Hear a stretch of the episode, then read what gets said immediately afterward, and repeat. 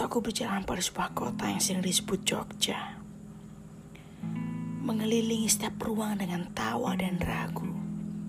Karena kau tak ada di sana. Tertawa namun juga bimbang tentang apa yang sedang kau lakukan hari ini.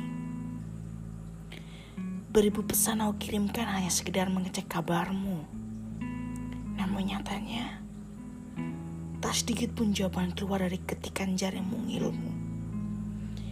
Cemasku semakin deras tentang arti baik-baik saja dalam hubungan.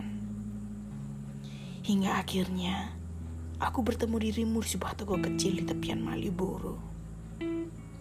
Tak sepatah kata pun terlontar di antara perjumpaanku denganmu kala itu.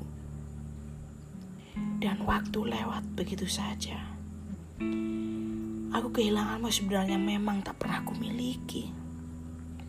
Dan kamu sedang bahagia dengan orang yang lebih tepat dariku.